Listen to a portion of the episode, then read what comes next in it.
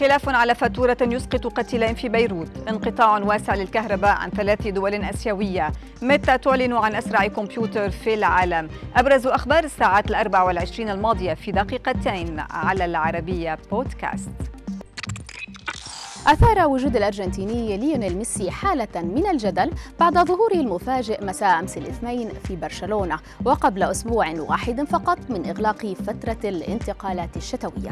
صحيفة موندو ديبورتيفو الإسبانية أكدت أن الأمر وببساطة هو حرص لاعب باريس سان جيرمان الفرنسي على تناول العشاء مع بوسكيتس وألبا احتفالا بعيد ميلاد صديقه تشافي مدرب الفريق الكتالوني.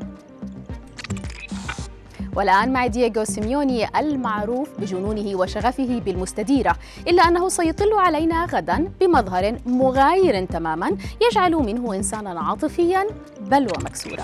فبحسب الملخص الخاص بفيلم سيميوني المقرر بثه في السادس والعشرين من الشهر الجاري سيحكي فيه المدرب شخصيا قصته مع ابنته التي أبكته مدة ساعتين متواصلتين وكيف لقنته تلك الطفلة البالغة. من العمر آنذاك أربع سنوات درسا قاسيا غير به نظرته للحياة. سيميوني يشير في الفيلم إلى حوار دار بينهما يؤكد فيه لابنته بصوت عاطفي بأن كرة القدم هي حياته إلا أن الصغيرة ترفض الأمر وبشدة وتصححه قائلة نحن حياتك للكرة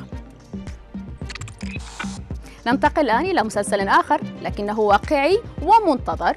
باسم أنا جورجينا الذي يتعرض حاليا لهجوم حاد على السوشيال ميديا من قبل عائلة جورجينا رودريغيز شخصيا. وبحسب أقارب خطيبة نجم مانشستر يونايتد الإنجليزي فإن جورجينا أدارت ظهرها لأهلها بعد لقائها النجم البرتغالي رونالدو وأخفت تماما في المسلسل. المقرر عرضه الخميس المقبل ماضي والدها الإجرامي وسجنه عشر سنوات بتهم تهريب المخدرات.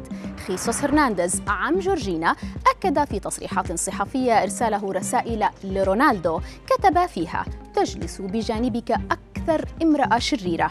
إذا كنت تريد أن تعرف المزيد اتصل بي وسأخبرك.